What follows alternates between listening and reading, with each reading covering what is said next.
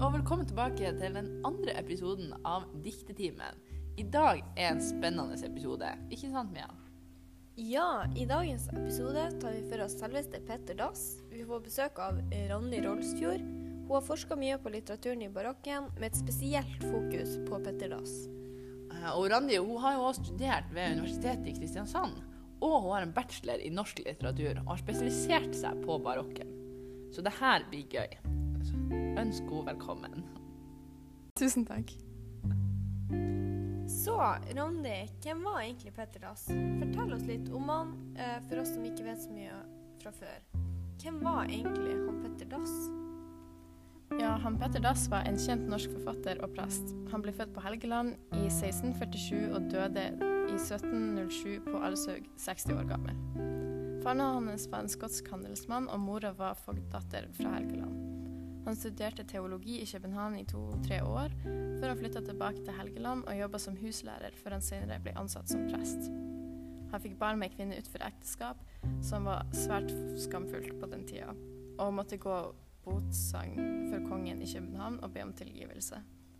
Han starta som personellkapellan i rundt 1673, og han ble residerende kapellan i Nesna i 1783, og til slutt sogneprest i Alsahaug fra 1689 og frem til hans død. Hm. Ja, vi hører jo at han hadde et eh, innholdsrikt liv eh, og reist mye i tillegg. Eh, Men det vi lurer på, under all denne studeringa og reisinga, hva, hva var det han ble kjent for? Og hvorfor?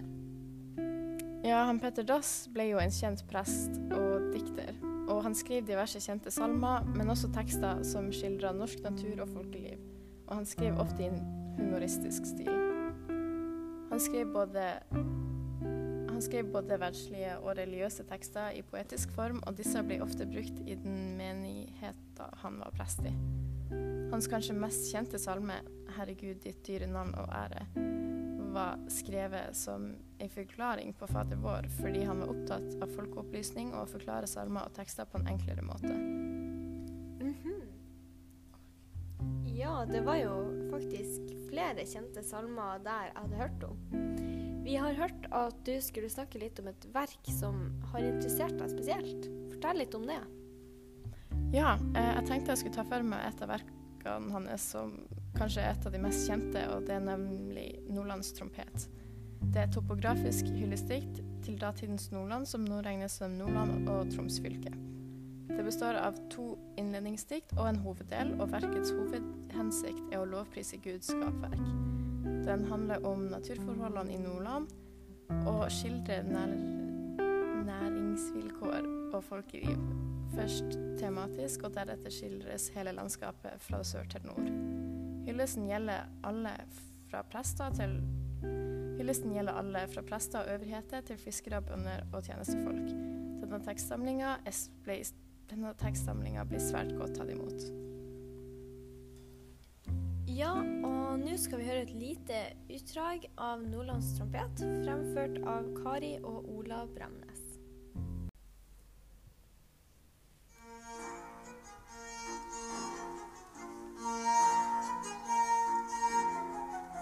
Vær hilset i Nordlands med byggende menn, fra verten i huset til svenn.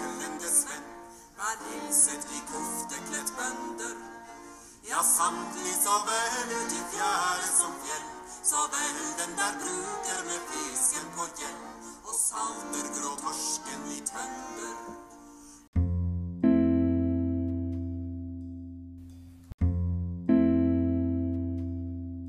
Da sier vi tusen takk til Randi Rolsfjord. Ha det.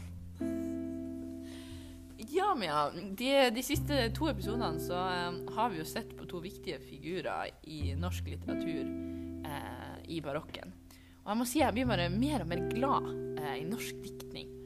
Men eh, kanskje vi skal se litt på hvilke likheter de her to dikterne vi har tatt for oss de siste episodene, har.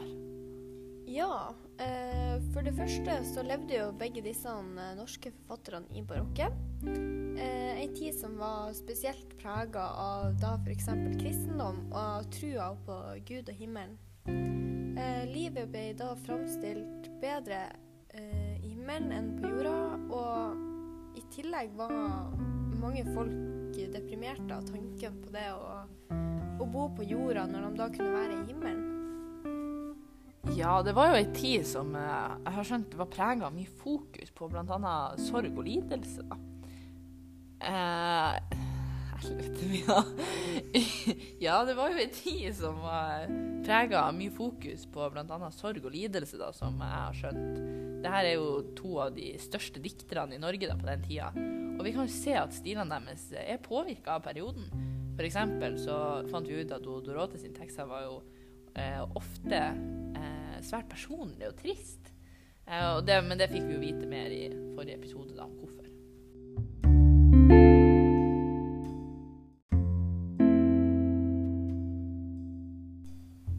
Ja, det var mye interessant om begge dikterne, og vi skal prate om mange flere diktere fra også andre perioder i senere episoder. Så da tenker jeg vi runder av der, og så snakkes vi neste uke.